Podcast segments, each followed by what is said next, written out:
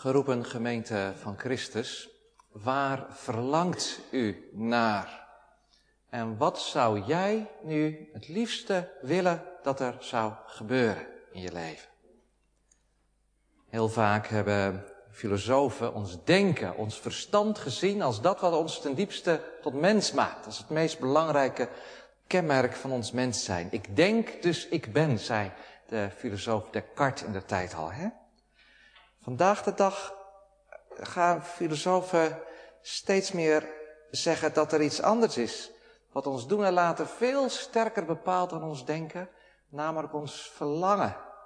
En daarmee komen ze eigenlijk weer heel dicht bij de Bijbel uit. Want de Bijbel heeft het voortdurend over ons hart, waarvanuit al onze strevingen opkomen. Het is een grondkenmerk van het menselijk bestaan, dat wij altijd ergens naar verlangen. Dat hoort bij ons mens zijn. Dus waar verlangt u naar? Wat zou jij het liefste willen dat er zou gebeuren? Ik zit zelf in het eh, onderwijs, dus eh, ja, dan ben je ook wel gewend om soms even wat briefjes uit te delen. En dan kan iedereen even over nadenken en voor zichzelf even een antwoord formuleren op die vraag. Anders denkt u, ja, die dominee die praat wel door. Maar uh, dan, dan zou u echt eventjes dus uh, gedwongen worden om daarover na te denken. Nou ja, goed, daar hebben we in deze preek niet de tijd voor zozeer. Maar misschien kan u dat dan toch wel even doen, zo tussen het luisteren door. Waar verlang ik nu eigenlijk naar? En wat zou ik nu, wat zou ik dan opgeschreven hebben? Als ik inderdaad zo'n briefje had gekregen, een pen erbij. Waar verlang ik nu uiteindelijk naar? Wat zou ik het liefste willen? Paulus heeft het vanmiddag in elk geval ook over onze verlangens. Dan zou u misschien zeggen, nou, hoe komt u daar nou bij, dominee? Dat woord heb ik in heel Romeinen 8 niet gelezen. Dat klopt ook wel. Want Paulus gebruikt eigenlijk een nog veel intenser woord. Een veel krachtiger woord. Hij heeft het niet zozeer over verlangen, hij heeft het over zuchten. Zuchten. Um, wij zuchten in onszelf, zegt hij in onze tekst. En eerder heeft hij al gesproken over het zuchten van de schepping. En even later zal hij gaan spreken over de verzuchtingen van de Heilige Geest. Uh, over de Heilige Geest heeft Paulus het in dit hoofdstuk. Op een bijzondere manier. En hij zegt dus eigenlijk, die Heilige Geest, die doet een heleboel dingen, maar die verandert dus niet alleen ons denken, maar die verandert uiteindelijk ook onze verlangens. En die buigt onze verlangens om in de richting van God en van zijn toekomst, van zijn koninkrijk. Dat verlangen maakt de geest steeds sterker. Dat is de boodschap van de preek vanmiddag. Paulus um, zet dat dus zo sterk aan dat hij in plaats van over verlangen over zuchten spreekt. En zuchten, dat is natuurlijk niet een heel populair woord, ik zei het al, dat duidt ook op een beetje nare situatie. Zuchten, dat doe je. Ja, kinderen, jongens en meisjes, jullie zuchten denk ik ook wel eens, als het weer eens een keer tegen zit, of het gaat allemaal net niet zoals je wil, of het is al de zoveelste keer dat je zusje vervelend tegen je doet, ja, dan zucht je wel eens. Hè? Waarom zit het nou weer zo tegen? Als wij zuchten, dan, dan, dan is er een situatie die we niet fijn vinden. Dan hebben we te maken met, met pijn, en dat kan ook natuurlijk veel erger zijn dan dat je zusje je weer eens lastig valt. Daar kan ook heel veel verdriet achter schuil gaan, heel veel tegenslag. Dat je wel eens moet zuchten van alle narigheid en waar je doorheen moet. Als je weer een negatief bericht krijgt, als het weer tegenzit, dan zuchten wij. En Paulus heeft het inderdaad over die negatieve situaties. Hij heeft het over het lijden, over het kwaad, over het probleem van het lijden in de wereld. Uh, hij is dus op het hoogtepunt van zijn brief aangekomen, hier in Romeinen 8. En dan heeft hij dus, dan gaat hij daarover hebben, over het lijden in de wereld. Dat is natuurlijk ook wel weer bijzonder. Er zijn veel mensen die denken dat het geloof er helemaal geen oog voor heeft. Dat, dat als je christen bent, dat je dan helemaal geen boodschap hebt aan het lijden van de wereld. Dat je daar luchtig aan voorbij gaat of overheen stapt. En soms zeggen ze dat ook tegen, hoe kan je nou geloven? Kan je morgen op je werk of op school overkomen dat iemand dat tegen je zegt? Hoe kan je nou geloven? Als je nou toch gewoon eens even om je heen kijkt, hoe ontzettend veel ellende en narigheid er is in de wereld. Klik nou eens op al het kwaad, op al die gruwelijke dingen die er gebeuren. Dan, dan kan het toch niet dat er, dat er ook nog een God is. En, en, en men doet soms net alsof je als gelovige ook een beetje dom bent, dat, dat je daar nog nooit zelf over nagedacht zou hebben. Nou, dat is natuurlijk al het minst het geval. Het geloof heeft daar wel degelijk over nagedacht. Paulus heeft het er hier al over. Op het hoogtepunt van zijn belangrijkste brief. Over het probleem van het lijden. En Paulus zegt er dit over. Hij zegt, het lijden is juist voor ons christenen helemaal niet zo'n verrassing. Helemaal niet zo vreemd. Want onze eigen Heere en Meester, Jezus, heeft in zijn leven ook ontzettend veel met lijden te maken gekregen. Op zijn 33ste was hij aan het lijden overleden. Dan is het toch geen wonder wanneer ook zijn volgelingen ermee te maken krijgen. En dan gaat Paulus daar dus wat verder over door. Dan werpt hij vanuit wat hij eerder in deze brief aan de orde gesteld heeft, het licht van het evangelie op die vraag naar het lijden. Die ons, moderne westerse mensen, ook vaak zo intens beroert. En dat mooie vind ik dan dat Paulus dat dus niet zo doet dat hij het dan enkel en alleen maar gaat hebben over het lijden van christenen, van gelovigen, maar dat hij dat eigenlijk in eerste instantie in een veel wijder verband trekt. Dat hij meteen uh, het lijden van de hele wereld daarbij uh, in het oog neemt. En sterker nog, heeft het zelfs over het lijden van de schepping. De totale schepping komt hier bij Paulus in het vizier. Dat laat hij op zich inwerken. enorme hoeveelheid pijn en lijden die zich daarin afspeelt. Meteen voorafgaand in onze tekst vat hij samen wat hij erover geschreven heeft. Als hij zegt, wij weten dat heel de schepping gezamenlijk, dat wil zeggen door en door, in al haar delen, zucht en in barensnood verkeert. Tot nu toe. Tot nu toe gaat dat door. De schepping is er dus ellendig aan toe, zegt Paulus. Ze kraakt in al haar voegen. En dan peilt hij dat. Uh, en dan raakt hij denk ik de kern daarvan aan als hij dat woord zinloosheid gebruikt. Uh, waar is het in vers 20, hè? De schepping is aan de zinloosheid onderworpen. Dat is het woord ijdelheid. Ik heb begrepen dat dominee Verkampen vanmorgen over het boek Prediker gepreekt heeft. Hetzelfde woord als dat in het boek Prediker zo'n grote rol speelt. Ijdelheid er ijdelheid. Dat alles zo zinloos lijkt soms. Dat er zoveel dingen niet tot ontplooiing komen. Niet tot een doel komen. Zoveel uh, knoppen, zoveel bloemen in de knop gebroken worden. In zoveel mensenlevens ook. En niet uitkomt wat erin zit. Dat je denkt, waarom nou toch? Waarom gaat het nou zo? Wij weten, zegt Paulus, dat de schepping aan de zinloosheid, de onvruchtbaarheid, de vergankelijkheid is onderworpen. Is dat niet herkenbaar, gemeente? Ook voor moderne mensen vandaag die 24 uur per dag het nieuws volgen, zo ongeveer. In een tijd van bomaanslagen, die zomaar ineens een eind aan tientallen levens kunnen maken. Ook heel dichtbij. In een tijd waarin oorlogen en oorlogsdreiging weer net zo erg als altijd heerst en enorme aantallen uh, vluchtelingen tot stand brengen. Weer een paar honderd mensen, begrijp ik, verdronken in de Middellandse Zee. Moet je je voorstellen dat je er zelf bij zou zijn. Eén mens die verdrinkt is al zo vreselijk. Een paar honderd mensen. Het gebeurt, iedere keer weer. In een wereld waar op tal van plaatsen kinderen als slaven moeten werken in mijnen en fabrieken. Om onze relatief goedkope kleding en onze mobiele telefoontjes te kunnen betalen zodat wij die, eh, zo te kunnen maken dat wij die kunnen betalen. Wat is er niet enorm veel leed en verdriet? Eh, dingen die niet tot een recht komen, mensen die niet tot een recht komen. En heb ik het nog niet eens over hele gewone dingen, want die zijn er ook. Ik sprak van de week, vorige week, iemand die tegen me zei, ik ben nu al twee jaar werkloos. Ik wil ontzettend graag aan het werk, ik doe alles wat ik kan. Zoveel sollicitatiebrieven geschreven. Ik vind gewoon geen werk. En ik weet niet goed waar het dan ligt. Ja, ik ben vijftig geweest, ja. Hoe vaak komt dat niet voor, gemeente? Ik kan maar zeggen, dat is helemaal niet iets bijzonders. En het stempelt iemands leven natuurlijk wel. brengt verdriet met zich mee. En zo zou ik natuurlijk wel door kunnen gaan. Allemaal voorbeelden te noemen. U kunt uw eigen voorbeeld ook wel invullen. Als je te maken hebt met echtscheiding, met relatieproblemen, met zorgen in de opvoeding van je kinderen, dingen die misdreigen te gaan. Als kind gepest wordt op school misschien, hoe erg kan dat niet zijn? Jongeren die gebukt gaan onder depressies en andere aandoeningen. Wat een zee van lijden is er niet. Soms dan, dan, dan raakt het je ineens en dan drukt het je ook helemaal naar beneden. Ik weet niet of u dat kent, dat, je, dat ineens het tot je doordringt. Het leven is eigenlijk helemaal niet fijn. En zoveel moeilijke dingen in. Nou, dat zegt Paulus hier eigenlijk ook. De schepping zucht onder al dat lijden.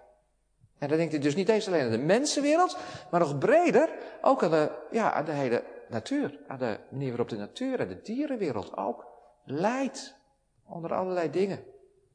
Ja, de schepping is mooi, zeggen we dan. Maar intussen, wat wordt er ook door dieren niet ontzaglijk veel afgeleden?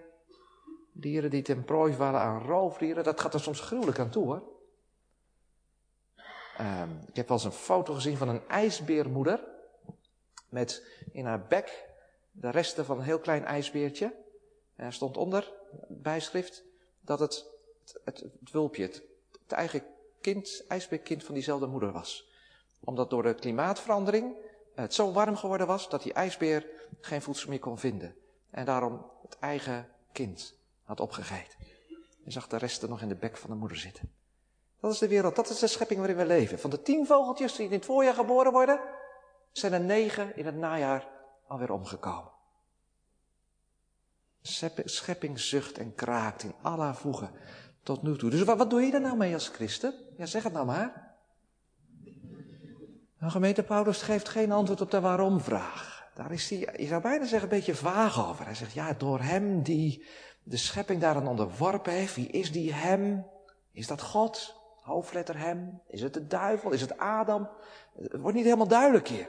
Maar Paulus besteedt, hij doet, hij doet wel iets anders. Hij besteedt veel meer aandacht aan waar het naartoe gaat. Niet zozeer aan waar het vandaan komt, maar aan waar het naartoe gaat. En hij zegt, let op, zegt hij, dit zijn geboorteweeën. Zo zie ik dat vanuit het oogpunt van het geloof. Vergelijk het met geboorteweeën. Dat wil zeggen, het gaat wel door de diepte heen, maar het gaat dus wel ergens naartoe. Er is hoop. En het kan ook niet anders dan dat het door die diepten heen gaat. Dat zegt Paulus er ook eigenlijk mee. Net zo goed als wanneer een moeder bevalt van een kind, dan moet het door die weeën heen. Het kan niet anders, wil dat kind levend en gezond ter wereld komen. Dus Paulus verbindt dat zuchten onmiddellijk met die barensweeën. En dan denk ik, heeft hij misschien, ja, ik weet eigenlijk niet zo zeker of die vrouwen, die kraamvrouwen dat vroeger ook al deden. Maar het zou natuurlijk heel goed kunnen. Gedacht aan wat wij vandaag puffen noemen, hè. Dus dat, dat zo'n kraamvrouw dan puft. En in die zin ook zucht dat je die, die, die barensweeën wilt opvangen, om zo te zeggen. En, en je concentreert op datgene wat, wat gaat gebeuren.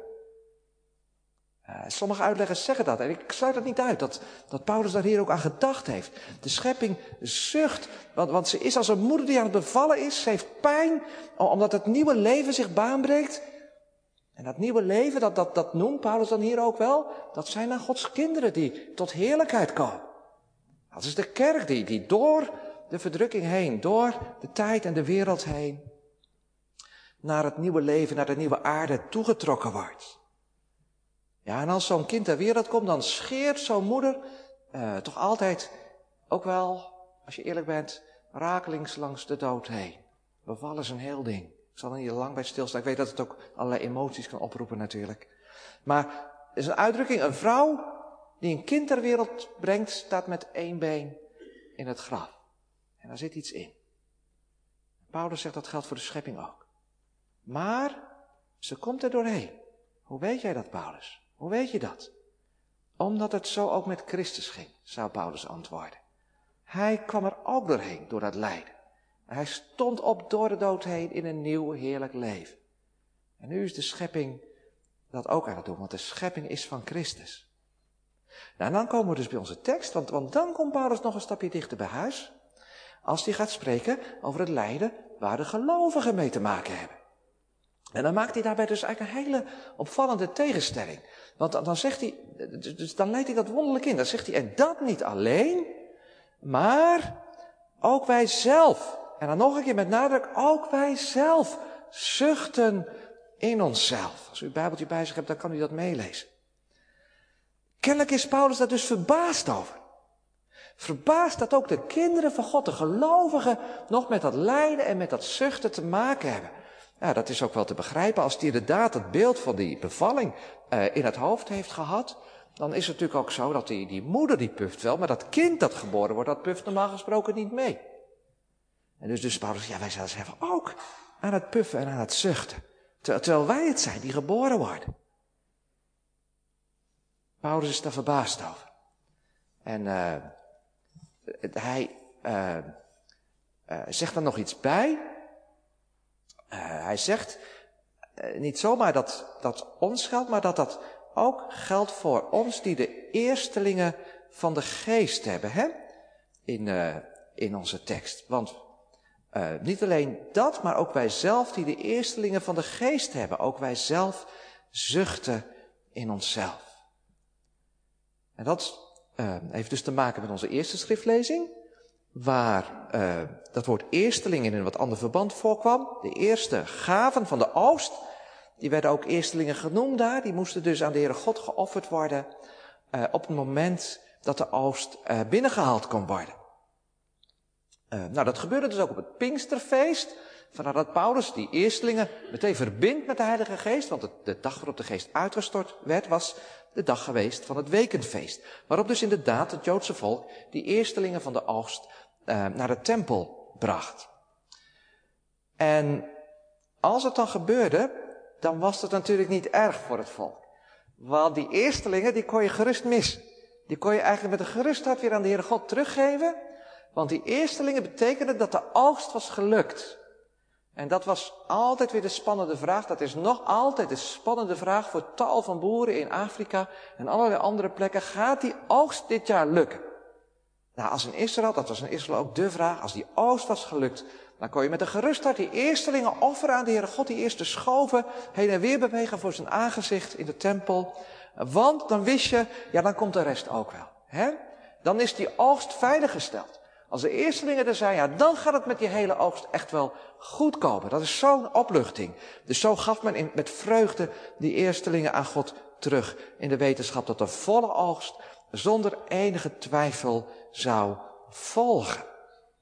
Uh, dat beeld, dat zit hier er dus ook achter. Want zo heeft de kerk van God dus de Heilige Geest gekregen als een eerste gave, een eersteling van God. Het is nu niet zo dat wij iets aan God geven, maar met Pinksteren geeft God iets aan ons, een eerste gave, de Heilige Geest. En die eerstelingsgave is dus ook weer een voorbode en een garantie van de volledige oogst. Dus, dus Paulus wil zeggen, als je de Heilige Geest ontvangen hebt, dan mag je zeker weten dat je ook het volle heil van God dat je daarin zult mogen delen. Dat, dat God ook niets meer zal achterhouden. Dat je ook het eeuwige leven straks zult mogen eh, binnengaan. Dat betekent die gave van de geest.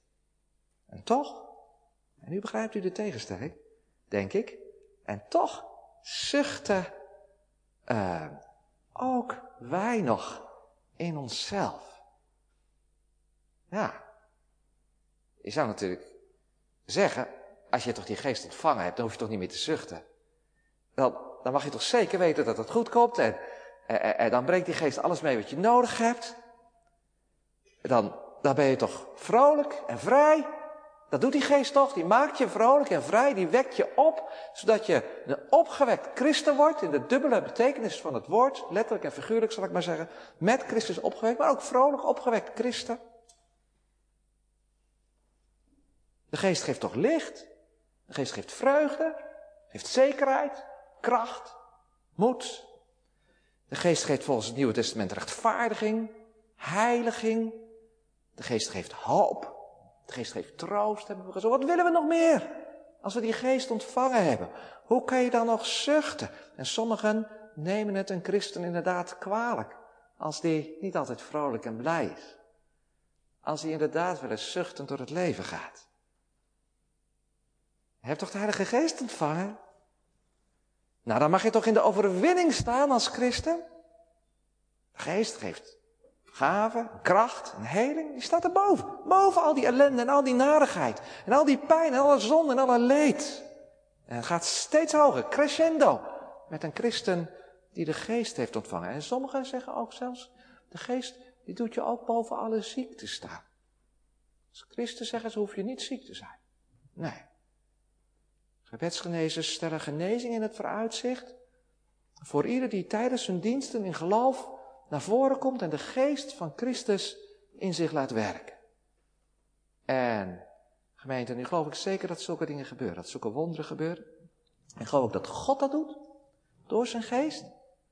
Hij geeft door zijn geest ook vandaag, dat denk ik zeker, nog tekenen van zijn macht, van zijn liefde. En dat kan ook de vorm aannemen van een wonderbaarlijke genezing. Van allerlei ziektes. Alleen, wat als jij nu ondanks aanhoudend gebed niet geneest? Wat als jouw handicap gewoon blijft bestaan? Als je levensverwachting beperkt blijft? Waar is de geest dan? Heb je de geest dan soms niet ontvangen? Is je geloof dan misschien niet echt? Is er dan misschien een onbeleden zonde in je leven? Daar moet je dan naar op zoek gaan, zeggen sommige christenen.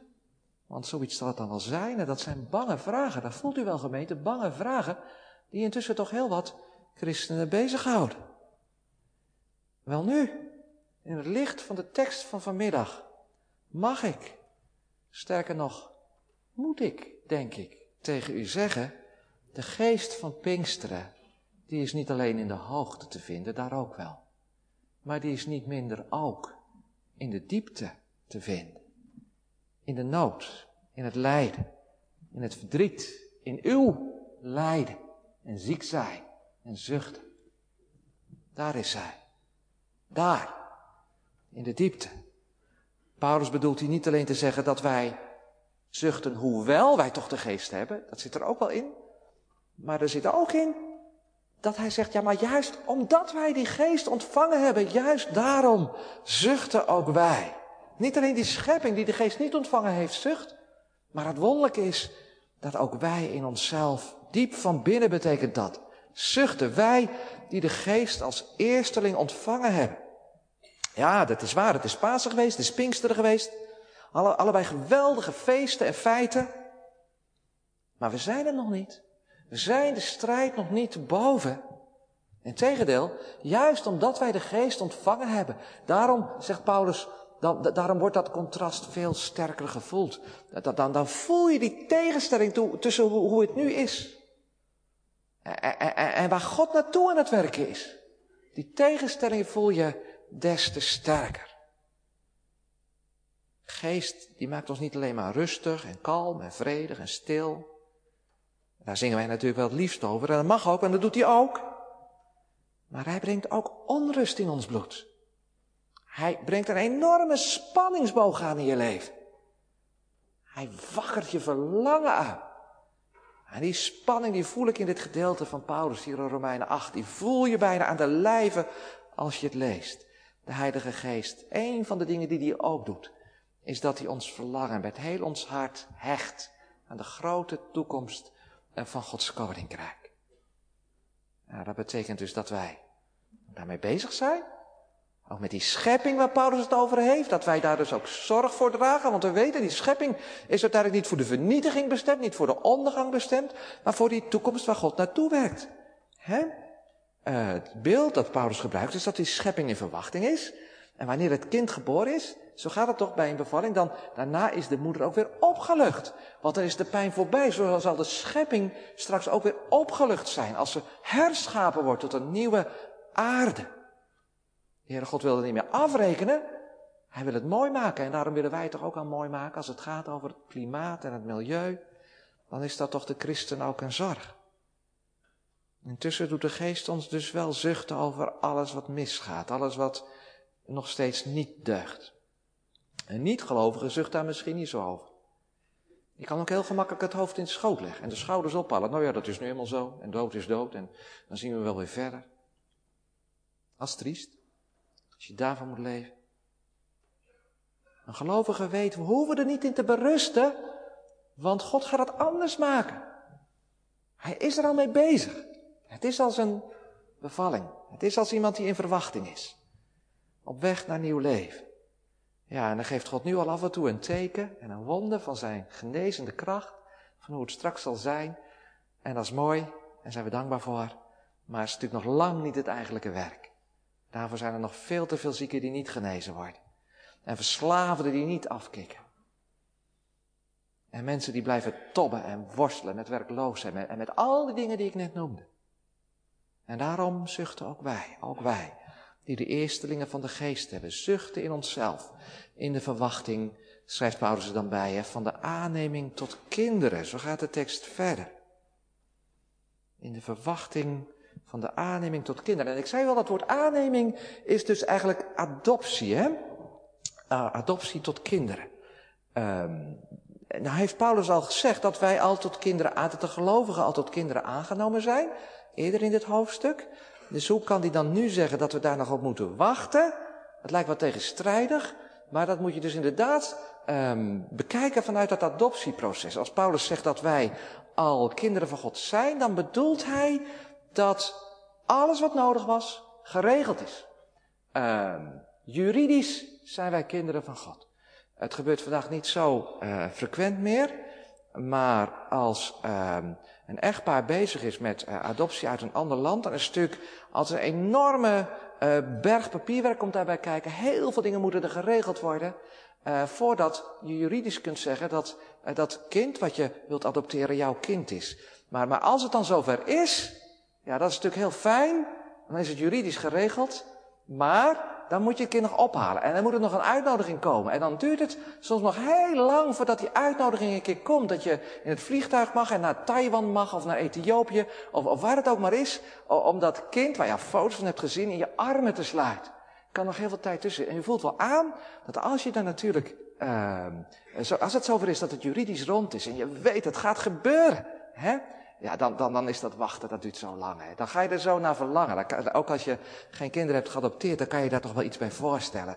Dat dan die spanning alleen maar sterker wordt. Nou, dat is eigenlijk het beeld wat Paulus hier dus uh, gebruikt.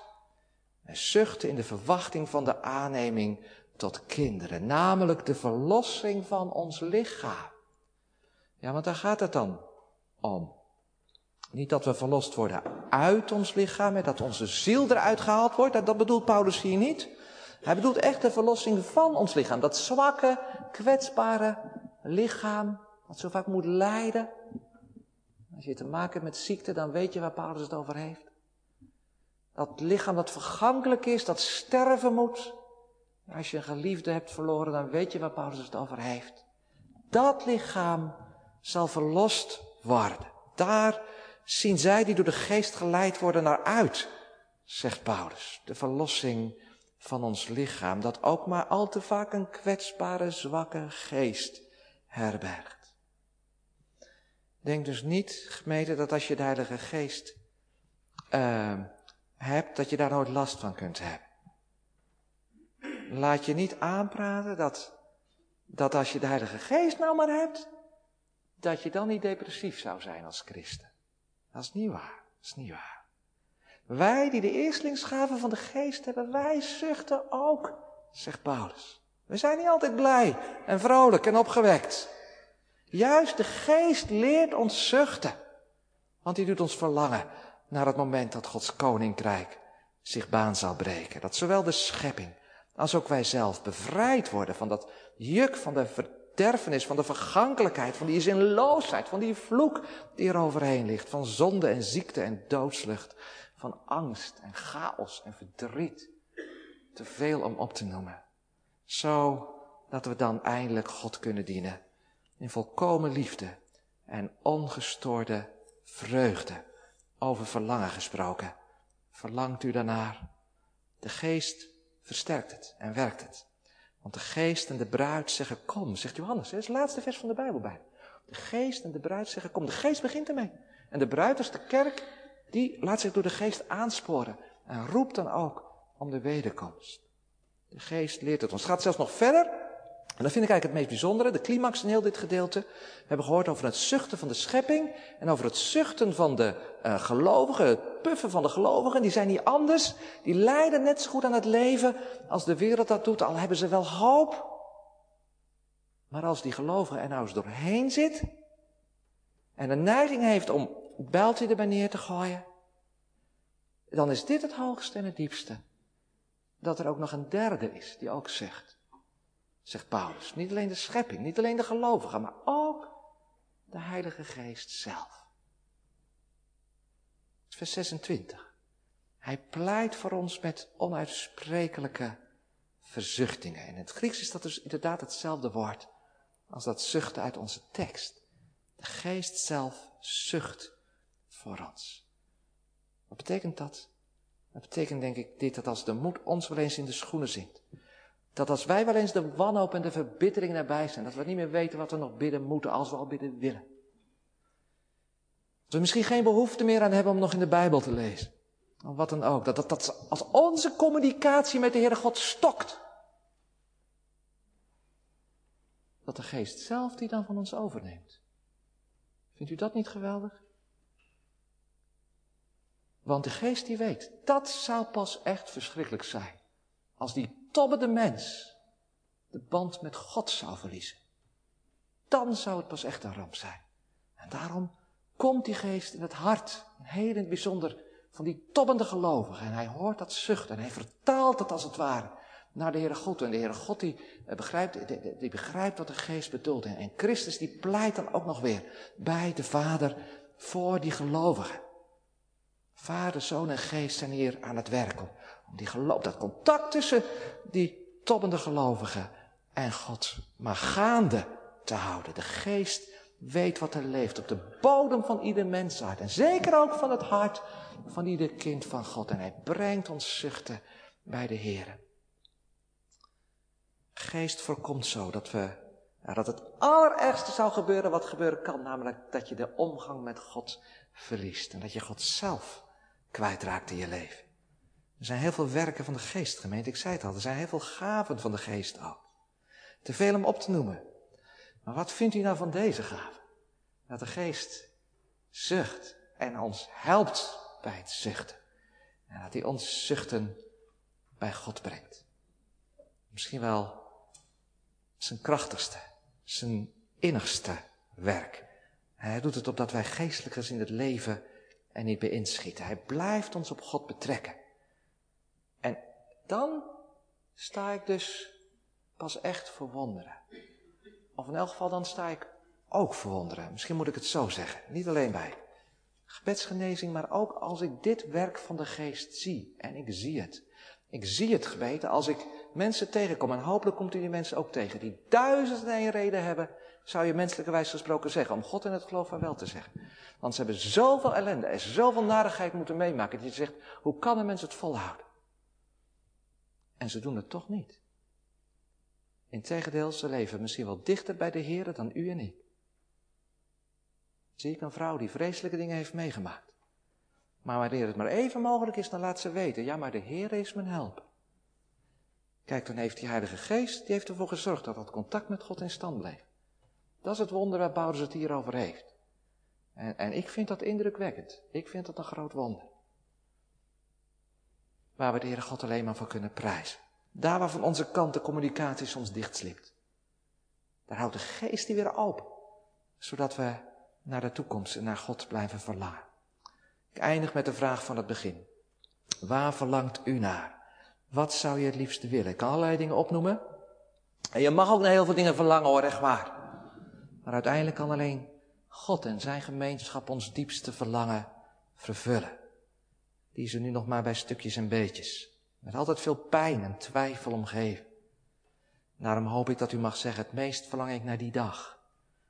Dat God alle dingen en ook mijn leven nieuw zal maken. Dat verlangen wordt door de geest aangewakkerd. Daarin worden we aangespoord en bemoedigd. De geest puft, om zo te zeggen, mee. Zoals een vroedvrouw dat kan doen, hè. Aansporend en bemoedigend. Als de grote verloskundige. Prachtige naam eigenlijk. Misschien zijn er verloskundigen onder ons. Heb je een prachtige naam als vak in elk geval. Dan ben je kundig in het verlossen. De geest is de grote uh, verloskundige. En hij zegt, doe maar. Volhouden. Nog even. Je bent er bijna. En de schepping, die is er gelukkig ook bijna. Nog even, zegt de geest. En je diepste verlangen zal voor altijd zijn vervuld. Amen.